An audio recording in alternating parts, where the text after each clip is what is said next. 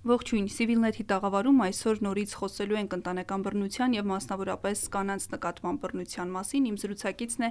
իրավաբանական գիտությունների տեխնացու, կանանց դեմ բռնության եւ ընտանեկան բռնության դեմ պայքարի հարցերով փորձագետ Գոհար Հակոբյանը։ Ողջույն, Գոհար։ Բարև ձեզ, շնորհակալ եմ հրավերի համար եւ շնորհակալ եմ ըստ կարևորագույն թեմայով իրազեկության բարձրացման ուղղված ջանքերի համար։ Ես էլ եմ շնորհակալ։ Որքանով է հայ հասարակությունը հավասար եւ ինչպես են ընտանեկան բռնությունները եւ կանանց նկատմամբ բռնությունները կապված հենց գենդերային անհավասարության հետ։ Շատ լավ, տեսեք, շատ հաճախ մարդիկ չեն հասկանում, թե ինչի ենք մենք կամ պետությունը շեշտադրում գենդերային հավասարության հարցերը, որովհետև թվում է, թե առաջին հայացքից ոչ մի ինչ որ խնդիր չկա,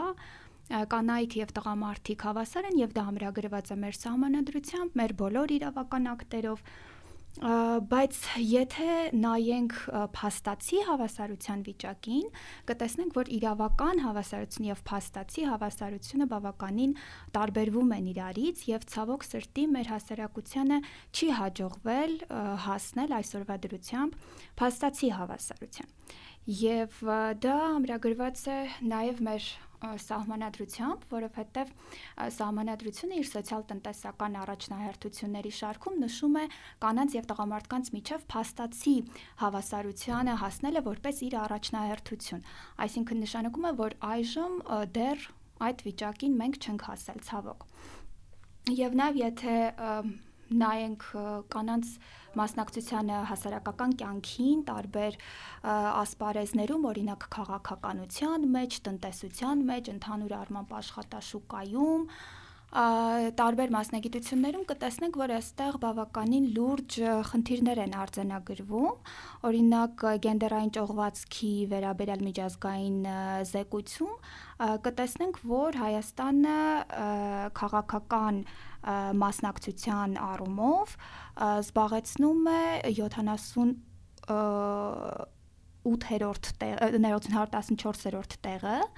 որովհետև տեսեք մեր կառավարության մեջ կանանց մասնակցությանը նայենք տարածքային կառավարման տեղական ինքնակառավարման մարմիններում միջինը 10-11%-ից չի անցնում խորհրդարանում նախկինում իհարկե այս նոր ձևավորվող խորհրդարանի մասին դեռ վաղ է խոսել բայց նախկինում խորհրդարանի 132 մանդատներից միայն 32-ն էին կանայք զբաղեցնում նայենք դատական համակարգին կին դատավորների թիվը 28% է, դատախազության մեջ 13% է, այսինքն ընդհանուր առմամբ կարող ենք արձանագրել, որ փաստացի գենդերային հավասարություն հավասարության ուղղությամբ դեռևս պետք է ջանքեր գործադրենք դա պետք է սկսվի իհարկե ամենամանուկ տարիքից, ամենավաղ տարիքից,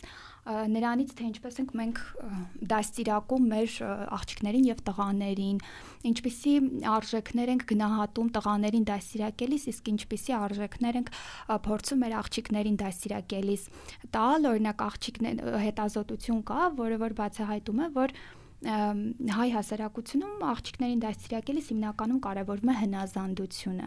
Իսկ ասենք տղաներին արդեն ավելի ուրիշ հատկանիշներ աշխատասիրություն, նախաձեռնողականություն, ընկերասիրություն եւ այլն եւ երբ որ մասնագիտություն են նրանք ընտրում, էլի տարբեր կերպ ենք մենք արձանագրում, մենք կարծես թե ունենք ինչ որ մասնագիտությունների ցանկ, որոնք հարիր են միայն տղամարդկանց եւ հակառակը, որոնք հարիր են միայն կանանց եւ փորձում ենք ուղղորդել դրա համար ասենք աղջիկները հետագայում հասարակական կյանքի տարբեր փուլերում չեն ռեալիզացվում եւ իրենց դերը տեսնում են հիմնականում ընտանիքին նվիրվելիս երեխաներին դաստիարակելու մեջ եւ այլն սրանք բոլորը գենդերային կարծրատիպեր են եւ որոշակի ավանդականորեն առաջացած դերեր, որոնք նախանգարում են ուրեմն կանանց ամբողջական պոտենցիալի բացահայտմանը եւ այս առումով պետք է նշեմ, որ երբ որ մենք խոսում ենք անհավասարության մասին, շատ կարևոր է հասկանալ, որ այդ անհավասարությունը գենդերային ոչ ոչ միայն վնասում է կանանց, այլև վնասում է տղամարդկանց եւ ընդհանրապես ողջ հանրությանը, որովհետեւ գենդերային նույն կարծրատիպերը կարող է եւ տղամարդկանց համար վնասակար լինել, որտեղ տղամարդիկ կարող է չկարողանան էլի ընտրել այնպիսի մասնագիտություն, որը կուզեին, բայց ինչ որ կարծրատիպերի պատճառով չեն ընտրում կամ որոշակի հատկանիշներ է հասարակությունը իրենց պարտադրում, որոնք որ իրենք պարտադրված կրում են եւ իրենց այդպես են պահում, որովհետեւ կարծրատիպ կա, որ տղամարդը պետք է իրեն այդպես պահի եւ այլն։ Եվ բացի այդ տեսնենք թե օրինակ տնտեսության վրա ինչ ազդեցություն է հա թողնում գենդերային անհավասարությունը հետազոտություններ են կատարվել, որ տարբեր երկրներում միլիարդների հասնող կորուստներ են ունենում տնտեսությունները, նրա համար, որ կանեք չեն կարողանում լիարժեք իրենց պոտենցիալը իրականացնել եւ լիարժեք մասնակցել ուրեմն աշխատաշուկային։ Եվ նաեւ հետազոտություններ կան, որոնք ցույց են տալիս, որ այն կազմակերպությունը, որտեղ որ կանայք ղեկավար պաշտոններ են զբաղեցնում գոնե 15%-ով, այսինքն 15%-ով գոնե ղեկավար պաշտոններ կանայք են զբաղեցնում, միջինում 30% ավելի եկամուտներ են ունենում։ Այսինքն գենդերային հավասարությունը անհրաժեշտ է բոլորիս համար եւ ոչ միայն կանանց։ Իսկ ինչպես են ընտանեկան բռնությունները եւ հատկապես կանանց նկատմամբ բռնությունները կապված գենդերային անհավասարության հետ։ Այո, շատ լավ։ Իսկապես կարևոր շեշտադրում է այստեղ, որ պետք է կատարենք ուրեմն տեսեք գենդերային բռնությունը ինքը եւ արդյունքն է գենդերային անհավասարության եւ խոչընդոտ է հանդիսանում որպեսզի գենդերային հավասարությունը նվաճվի եւ հաստատվի ինչու որովհետեւ եւ եւ սա արդեն հաստատված փաստ է այդ թվում նաև կանանց դեմ բռնության եւ ընտանեկան բռնության կանխարգելման մասին եվրոպական կոնվենցիայով որ գոյություն ունեն որոշակի պատմականորեն առաջացած հա ավանդական ուժի եւ իշխանության բաշխման տարբերություն կանանց եւ տղամարդկանց միջև եւ այդ ուժի եւ իշխանության տարբերությունը եւ այդ եւ դրանց վերահաստատումն է հենց հիմնականում բերում գենդերային բռնության, կանանց նկատմամբ բռնության, որտեղ կանանց նկատմամբ բռնությամբ փորձ է արվում վերահաստատվել, վերահաստատել նրանց նկատմամբ ուժն ու իշխանությունը, նրանց ենթակա կարգավիճակը պատմական եւ հենց այս բռնությունն էլ իր հերթին խոչընդոտ է հանդիսանում, որ เป զի կանայք եւ տղամարդիկ կարողանան իրապես փաստացի լինել հավասար եւ կանայք կարողանան լիարժեքորեն մասնակցել նաեւ հանրային կյանքին եւ իրենց պոտենցիալը ներդնեն տնտեսության զարգացման, քաղաքական ասպարեզներում եւ այլ հանրային ասպարեզներում։ Ընտանեկան բռնության եւ կանանց նկատմամբ բռնության զոհերը եւ վերապրածները ինչ հիմնական մարտահրավերների առջև են կանգնում, երբ ցանկանում են կոտրել հայ այդ բռնության շղթան։ Շատ կարևոր հարց բարձրացրեցիք որովհետև մեզանում թե ցավոք սրտի իրավապահ համակարգում, թե լայն հասարակության շրջանում երբ որ ինչ որ ողբերգական դեպք է տեղ ունենում ընտանեկան բռնության համատեքստում եւ վերապրածը կամ տուժողը այդ մասին հայտնում է եւ սկսում են նրան հարցակննել կամ թեկուզ ընկերները, ծանոթները, բարեկամները լայն հասարակությունը այդ մասին իմանում են եւ իմանում են, որ մինչեւ այդ դեպքը ինքը տարիներ շարունակ ենթարկվել է ընտանեկան բռնության, բայց օրինակ իրավապահ մարմիններին չի հայտնել այդ մասին, միանգամից սկսում է մեղադրական վերաբերմունք։ Միանգամից առաջին հարցը, որ տրվում է, դա ինչի է դիմացել ինչի ես այդքան դիմացել, ինչ չես հայտնել եւ միանգամից այսպես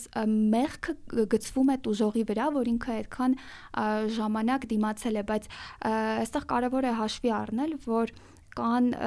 իրավական, տնտեսական, հոգեբանական, սոցիոլոգիական բնույթի բազմաթիվ պատճառներ, խոչընդոտներ, որոնք ազդում են տուժողի այդ որոշման վրա, որ ինքը չի կարողանում կոտրել այդ բռնության շղթան եւ ուրեմն պաշտպանության դիմել իրավապահ համակարգին։ Դրանք սկսվում են նրա շրջապատից, մտերիմներից, ովքեր որ էլի իրեն ասում են, որ ինչպես կարող ես դու օրինակ քո ամուսնու կամ ցանկացած ցանկացած այլ, չգիտեմ, հոր, եղբոր եւ այլն, հա մտերիմի նկատմամբ քրեական գործ սկսում, այսպես ասած ժողովրդի լեզվով ասած գործ տալիս, կամ նրա համար որևէ անբարենպաստ հետևանք առաջացնում կամ ինչու ես դու նեղ անձնական ընտանեկան խնդիրը տնից դուրս հանում եւ հասարակության սեփականություն է դարձնում միանգամից մեղադրական վերաբերմունք է սկսում միանգամից ամոթի զգացողություն է ունենում դուժողը եւ դա նրան շատ հաճախ հետ է պահում երկրորդը այդ կարծրացած ավանդույթները ընտանեկան այսպես կոչված այն թյուր ընկալումը որ ընտանիքը պետք է ամեն գնով պահպանվի, անգամ եթե դու բռնության ես ենթարկվում, պետք է դիմանաս, դե ոչինչ, ում հետ չի պատահում, բոլորը դրա միջով անցնում են, ինչ կլինի դիմացի, բայց կարևորը պետք է ընտանիքը պահպանես շատ հաճախ ֆինանսական տնտեսական խնդիրներ են լինում, որովհետև հնարավոր է դուժողը չի աշխատում։ Ընդ որում չաշխատելը կարող է լինել նաև տնտեսական բռնության արդյունք, որտեղ հնարավոր է նրան թույլ չի տրվել, որ նա աշխատի, հա։ Ինքը սեփական եկամուտ չունի։ Ինքը չգիտի թե իր երեխաներին կամ իրեն ինչպես է պահելու այն տունը, որտեղ որ նա ապրում է, շատ հաճախ պատկանում է իր ամուսնուն կամ ամուսնու ծնողներին եւ ինքը դրա նկատմամբ սեփականության իրենք չունի եւ ուրիշ անշարժ գույք չունի կամ խուսափում է հարցի հանրայնացումից, որտեղ կոնֆիդենցիալությունը ընդհանրապես չի պահպանվում այսպիսի բազմաթիվ խոչընդոտներ կան, բայց նաև պետք է հիշել, որ բոլոր հետազոտությունները ցույց են տալիս, որ ամենավտանգավոր պահը ընտանեկան բռնության իմաստով այն պահն է, երբ որ տուժողը փորձում է լքել բռնարարին։ Երբ որ նա այդպիսի փորձ է անում, բռնությունը մեծանում է, այսինքն սաստկանում է եւ հաճախականության իմաստով, այսինքն ավելի հաճախակի է դառնում եւ դաժանի դաժանության իմաստով ավելի առողջության համար ծանր հետևանքների հասնում։ Այսինքն սա ամենավտանգավոր պահն է եւ սա այն պահն է, երբ որ ինքը ամենաշատն է վախենում իր անվտանգության համար եւ նաեւ իր երեխաների կամ այլ բարեկամների անվտանգության համար։ Դրա համար մինչեւ մեղադրելը պետքա այս բոլոր ուրեմն առանձնահատկությունների մասին հիշենք։ Նաև հոգեբանական սինդրոմ կա, որ կոչվում է շնաձկան եւ դելֆինի սինդրոմ, այսինքն օրինակ հնարավոր է, որ բռնություն գործադրող անձը բնականաբար ինքը այնպես չէ որ ամեն օր առավոտից ցիրիկուն բռնություն է չէ գործադրում ինքը ունենում է այնպիսի ժամանակաշրջան երբ որ բռնություն են գործադրում եւ հետո ինչ որ տևական ժամանակաշրջան սովորաբար զղջում է այդ մասին, ներողություն է խնդրում, խոստանում է, որ այլևս չի կրկնվի, շատ լավ ամուսին է, հայր է եւ այլն, եւ տուժողը բնականաբար հույս է ունենում ամեն անգամ, որ այլևս չի կրկնվի, այլևս չի կրկնվի։ Այսա այդ շնաձգային դելֆինի էֆեկտն է բայց իհարկե ցավոք սրտի ընտանեկան բռնություն ունի ցիկլային բնույթ եւ անընդհատ կրկնվում է դրա համար այս բոլոր գործոնները հաշվի առնելով միգուցե դժողը ընտրում է չ դժողի համար այսինքն դժվար է հաղթահարել այդ գործոնները, խոչընդոտները եւ դիմել իրավապահ մարմիններին։ Դրա համար մենք ինչ կարող ենք անել, հա,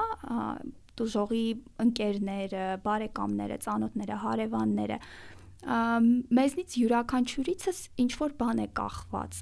ոչ միայն ոստիկանները եւ հոգեբանները այստեղ կարող են օգնել առաջին հերթին մեր պարտքն է միշտ հաղորդել եթե մենք ականատես ենք լինում ընտանեկան բռնության սա փրկում է կյանքեր յուրաքանչյուր դեպքում երբ որ դուք ականատես եք լինում կամ կողքից լսում եք եւ չեք հաղորդում հիշեք որ դա հնարավոր է հանգեցնի ինչ որ մեկի կյանքի կորստի կամ առողջության առողջությանը պատճառված վնասի։ Երկրորդը, եթե մենք մոտ ենք, մոտ մտերիմ հարաբերություններ ունենք դժողի հետ, պետք է նրան բացատրենք, որ ընտանեկան բռնություն նորմալ չէ, որ դա նորմալ երևույթ չէ եւ դրա ոչ մի դրսևորում նորմալ երևույթ չէ։ Այսինքն, եթե անգամ մի քանի անգամ ապտակել է, եթե անգամ չի թողնում, որ դու աշխատես կամ կրթություն ստանաս, սեռական բռնությունը, եթե անգամ քո ամուսինն է, դա միևնույնն է բռնություն է եւ բռնությունը երբեք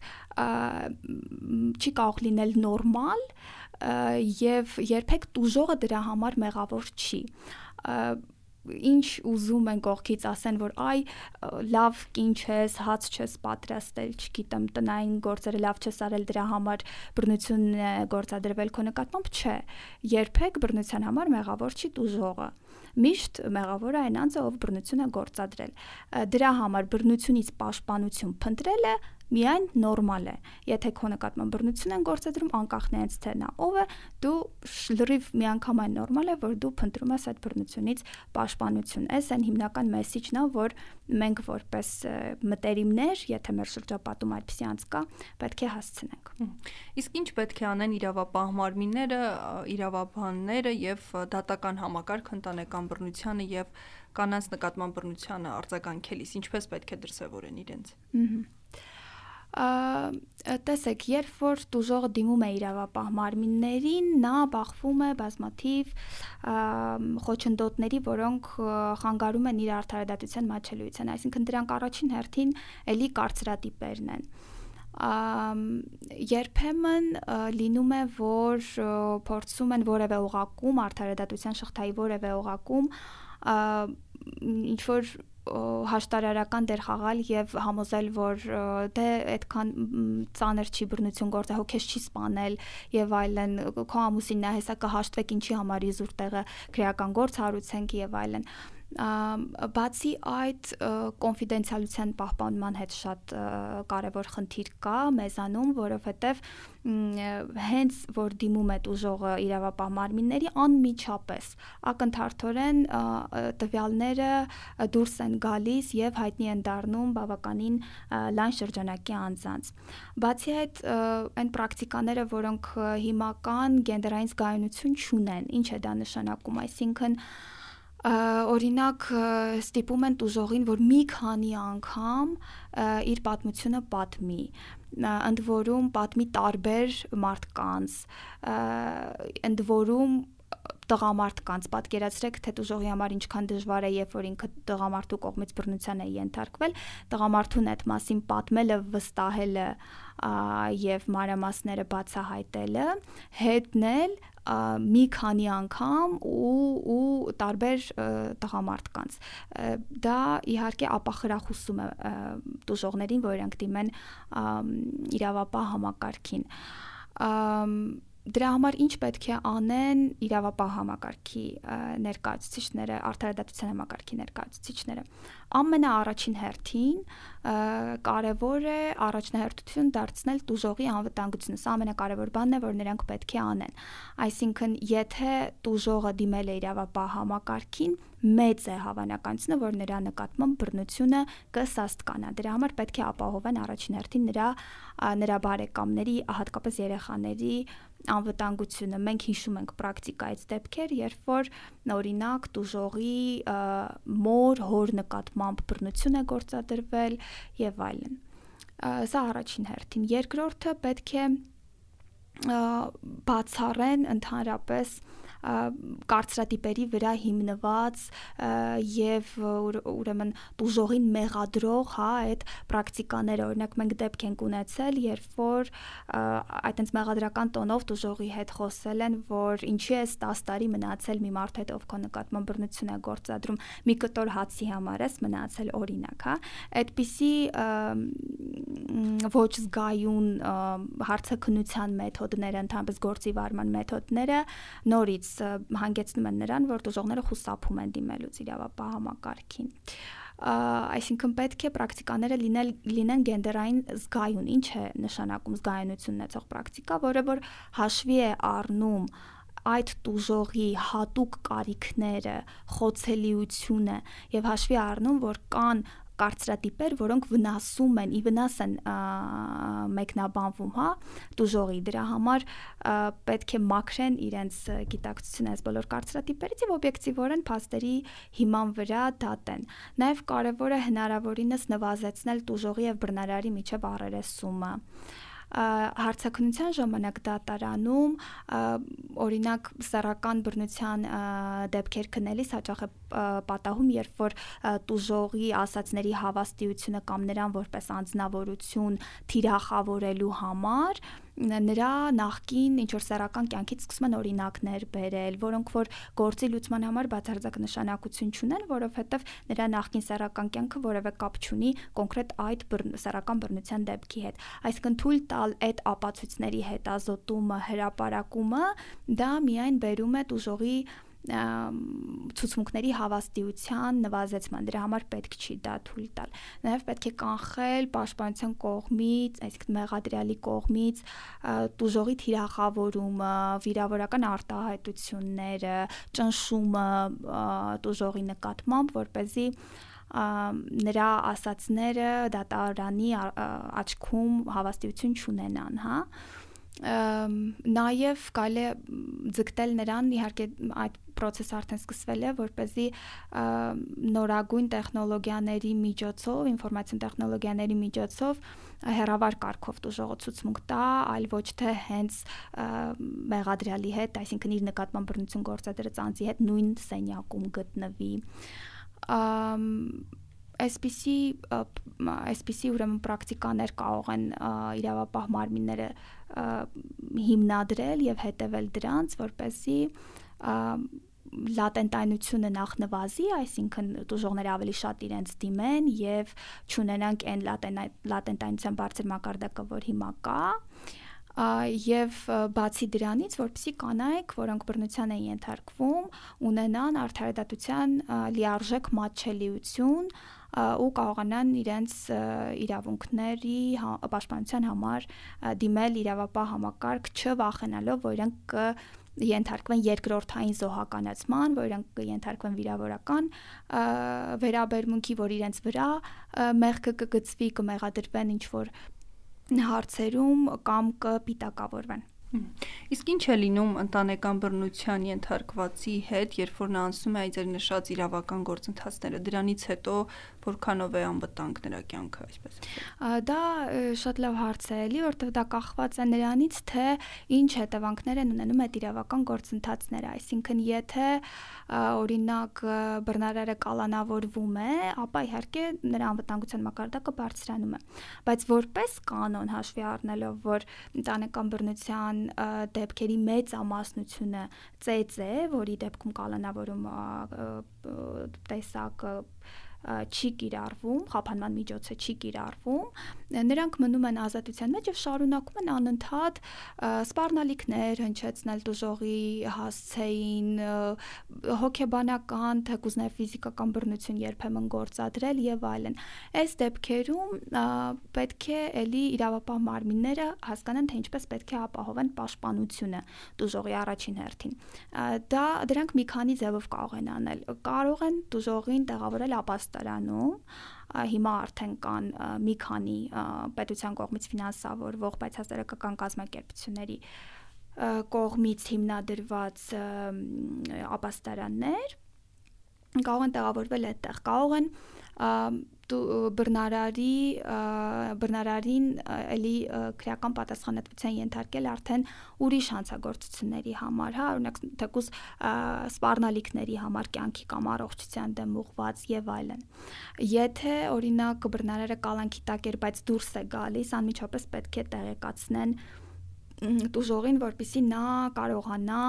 իր անվտանգության հարցը լուծի եւ իմանա, որ ազատության մեջ է գտնվում բռնարարը։ Բայց մեր նոր օրենսդրությունը ընտանեկան բռնության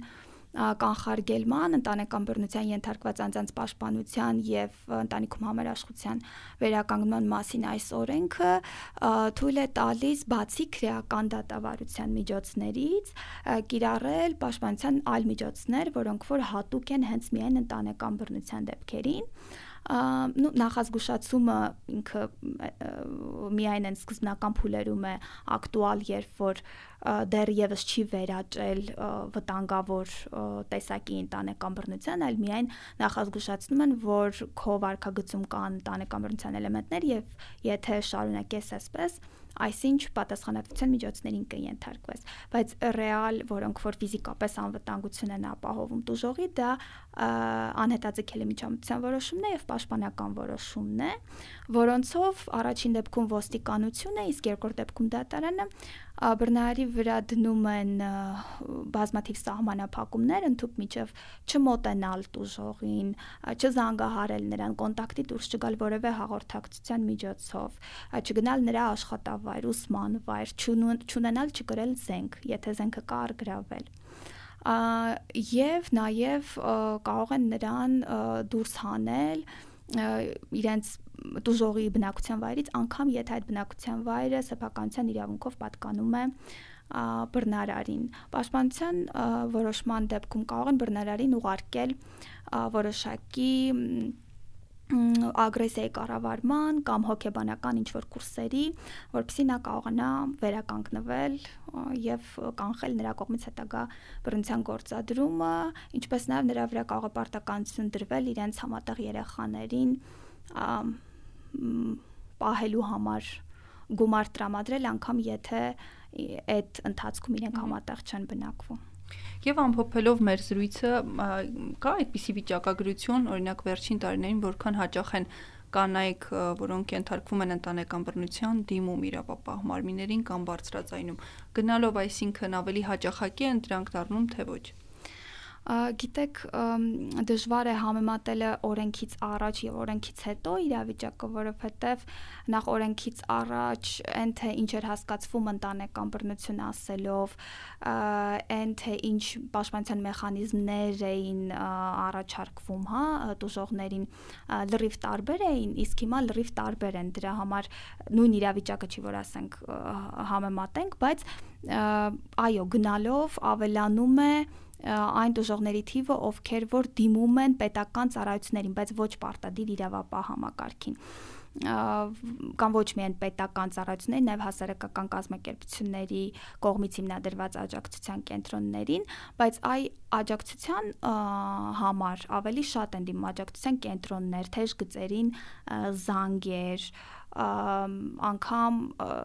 ոստիկանության խորհրդատվության համար ինչ-որ զանգեր, նույնիսկ արդարադատության նախարարությունում են այդպիսի զանգեր լինում։ Այսինքն այն մարդկանց թիվը, ովքեր որ ցկտում են ստանալ ինչ-որ օգնություն թեկուզ եւ խորհրդատվություն, ավելացել է միանշանակ, բայց կոնկրետ այն մարդկանց թիվը, ովքեր որ հենց ոստիկանությանն են դիմում, առանձնակի, որ ասեմ, սրընթաց աճ է ապրել, այդպես չէ։ Ցավոք սրտի դրա համար մեր բոլորիս նաև նպատակը պետք է լինի, որ իրազեկման բարձրացման միջոցով տարածենք այն տեղեկությունը, թե ինչ պաշտպանության եւ աջակցության միջոցներ է պետությունը տրամադրում ընտանեկան բռնության ենթարկված անձանց, որպեսզի իրենք ավելի վստահ լինեն, որ դիմելով կարող են ռեալ աջակցություն ստանալ։ Շնորհակալություն Գոհար կարևոր եւ հետաքրքիր զրույցի համար։ Ես հիշեցնեմ, իմ զրուցակիցն էր իրավաբանական գիտությունների տեխնացու կանանց դեմ բռնության եւ ընտանեկան բռնության դեմ պայքարի հարցերով փորձագետ Գոհար Հակոբյանը հաջողություն։